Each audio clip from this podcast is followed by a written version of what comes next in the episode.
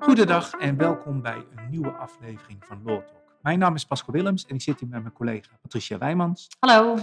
En we gaan het vandaag hebben over een uitspraak in een van onze eigen zaken. Ik kan zeggen jouw zaak, Patricia.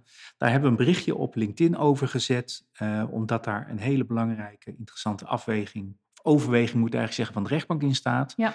En die is, uh, hoe ze dat noemen, viral gegaan. We hebben net even nog gekeken, 195.000 views, uh, meer dan 1500 reacties. Ehm, nou, het heeft heel veel aandacht gekregen. Ja. En um, we vonden het wel leuk om wat meer over die zaak te vertellen. Want uh, het bericht wat ik toen heb uh, opgesteld naar aanleiding van jouw uitspraak... Uh, was eigenlijk vanwege de, de, overweging van de rechtbank dat die de bedrijfsarts volgde en niet de verzekeringsarts. Daar gaan we zo uitgebreid op in. Ja. Um, maar ik denk dat de luisteraars en degenen die het allemaal bekeken hebben... het ook leuk vinden om wat meer over de achtergrond van die zaak te weten... Um, en dan gaan we het uiteraard ook hebben over wat nou zo belangrijk is aan die uitspraak. Ja. Kan je wat meer vertellen over, over de zaak zelf? Zeker, zeker. Het gaat hier om een, een werkgever. Die heeft een werknemer twee jaar lang gereïntegreerd. Daar heeft die werkgever echt zijn best voor gedaan, kan ik, uh, kan ik zeggen. maar we hadden in deze situatie, althans die werkgever had in deze situatie te maken met een werknemer die echt wel hele forse problematiek had.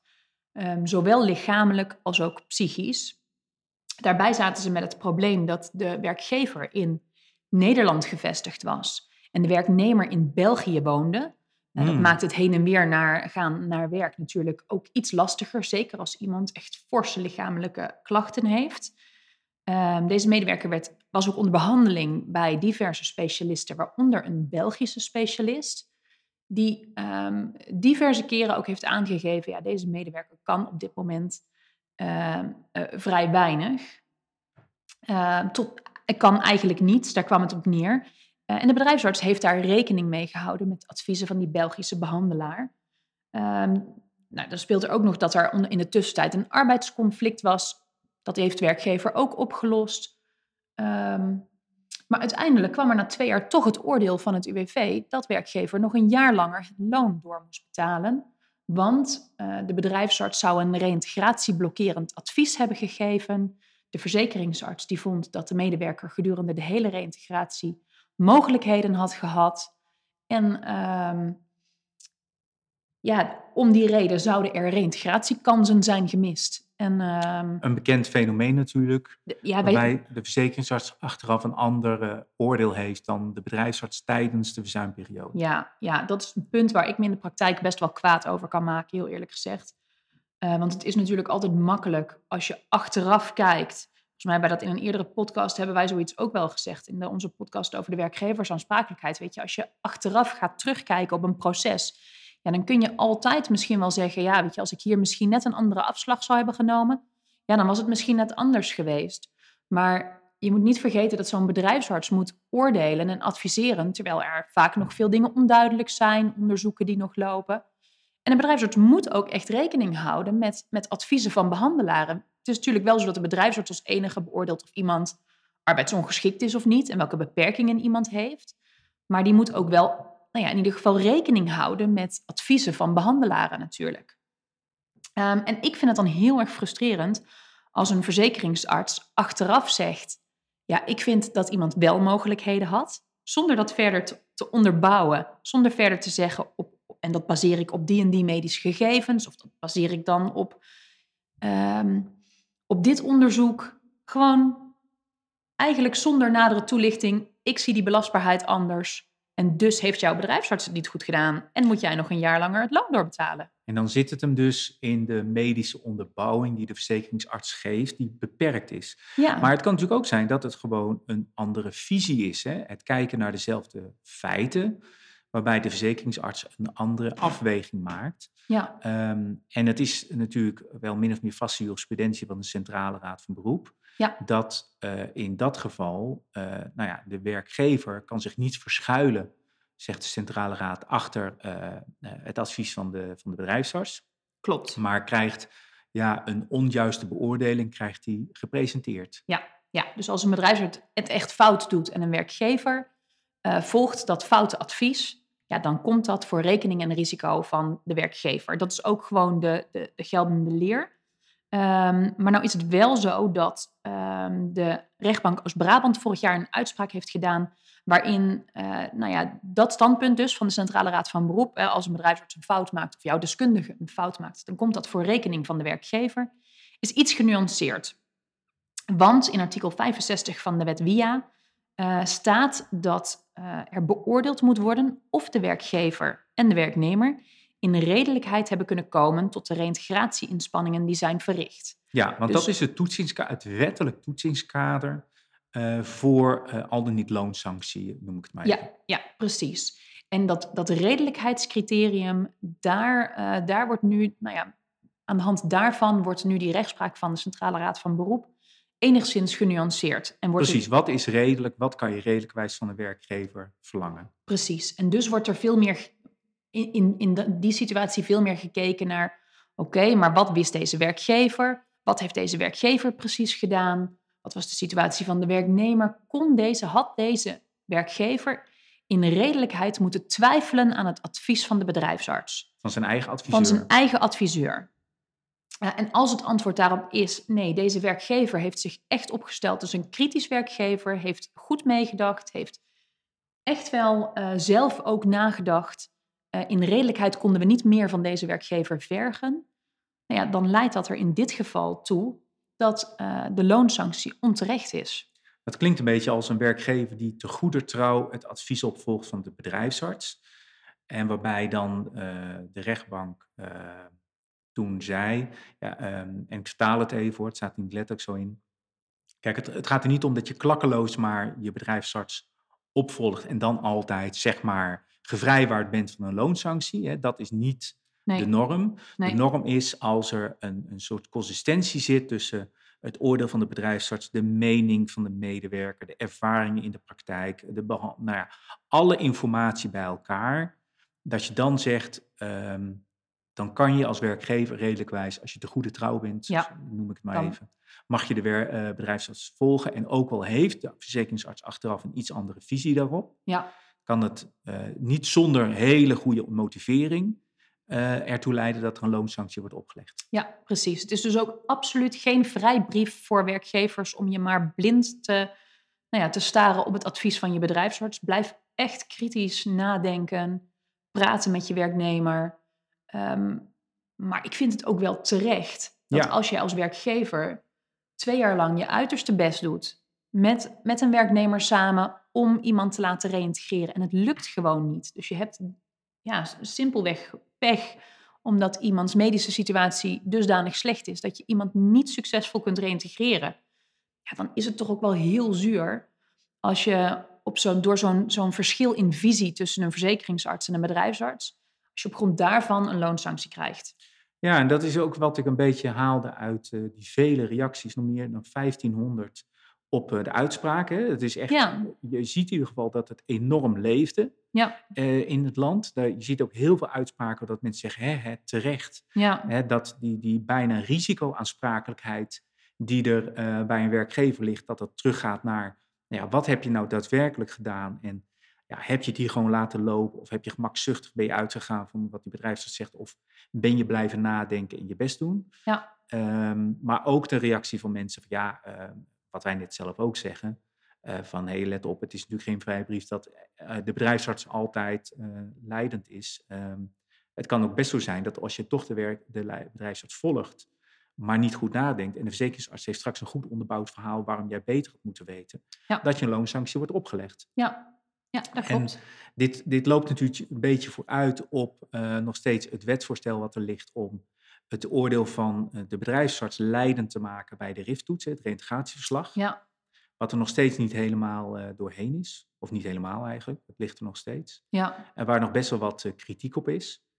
Um, en wat we ons natuurlijk ook moeten realiseren, is dat we hebben het nu de hele tijd over uh, de RIF-toets en een eventuele loonsanctie, maar dat staat los van de WIA-beoordeling en de mate van arbeidsongeschiktheid van de medewerker. Ja. Zowel in deze uitspraak, maar ook in de, uh, eventueel als straks het oordeel van de bedrijfsarts bij de RIF-toets leidend wordt, heeft de verzekeringsarts nog steeds een, een rol en functie bij het bepalen van de mate van arbeidsongeschiktheid. Ja. En we hebben natuurlijk gezien, ook in, in een andere zaak die we momenteel behandelen, dat uh, in dat geval uh, de werknemer bijvoorbeeld min 35 wordt.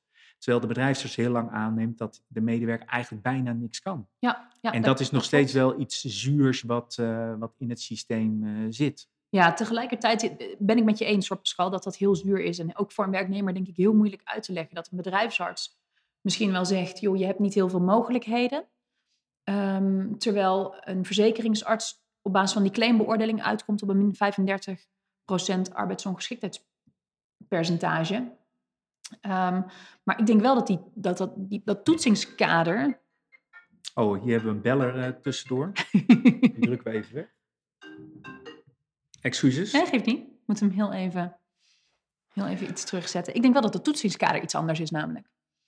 Hoe, je, hè, hoe een verzekeringsarts iemand Zeker. Uh, arbeidsongeschikt beoordeelt en hoe een bedrijfsarts kijkt naar beperkingen in het kader van de reïntegratie. Dat is een heel groot verschil. En dat komt denk ik ook. Uh, nou ja, de verzekeringsarts kijkt natuurlijk, is gebonden aan het schattingsbesluit en alles wat ermee samenhangt. Uh, wat een behoorlijke uh, ander toetsingskader is dan in de eerste twee jaar. Ja. Gek genoeg is, is het schattingsbesluit pas van toepassing bijvoorbeeld bij de wet WIA, maar niet in die eerste twee jaar.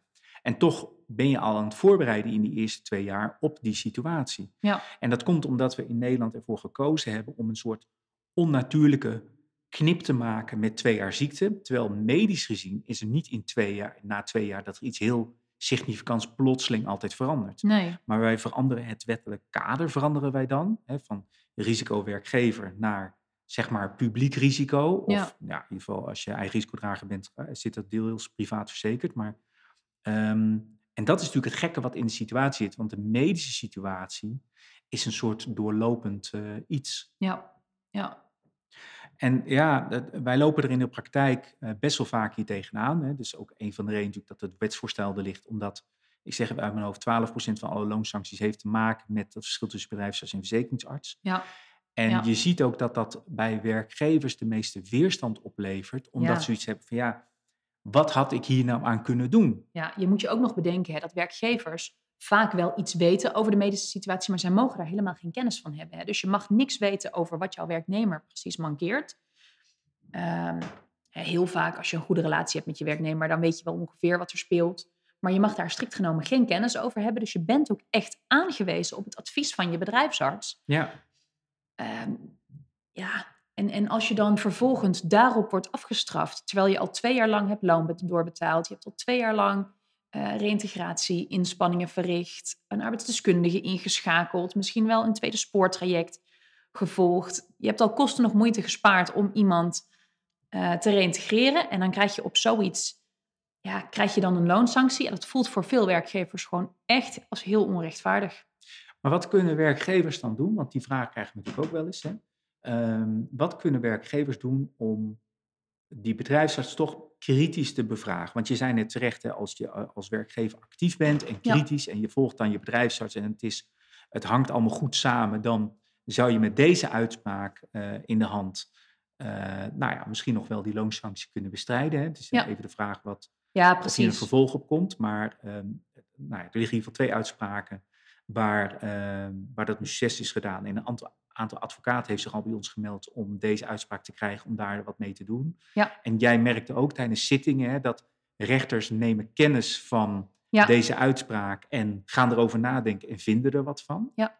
Kan je trouwens, ik begon net mijn verhaal met iets anders, maar nu denk ik in één keer, kan je nog even iets vertellen hoe dat op de zitting ging? Want je haalde natuurlijk die uitspraak, die eerdere uitspraak aan, Ja, hè, van ja. de, de rechtbank West-Brabant was dat. Ja. Ehm, maar je ging daarover in, in gesprek met de rechter. Ja, dat klopt. En de re- rechters die, ehm, tenminste, ik heb nu twee zittingen hierover gehad zelf.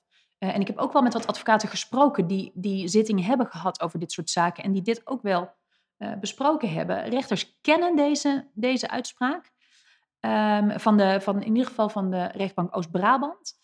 Eh, die vinden hier ook wel wat van. En die volgen dit wel echt op de voet. Dus ik hoop echt dat dit tot een nou ja, toch een wat kritischere benadering vanuit rechters eh, zal leiden. Dat ze, dat ze niet zomaar klakloos aannemen, joh, als er, hè, als er, als er iets zit in, dat, ehm, eh, in die verschil van visie tussen de bedrijfsarts en de, en de verzekeringsarts, dan is dat dus een loonsanctie voor de werkgever. Maar dat ze echt kijken naar, oké, maar wat had deze werkgever dan in redelijkheid anders kunnen doen? Ja.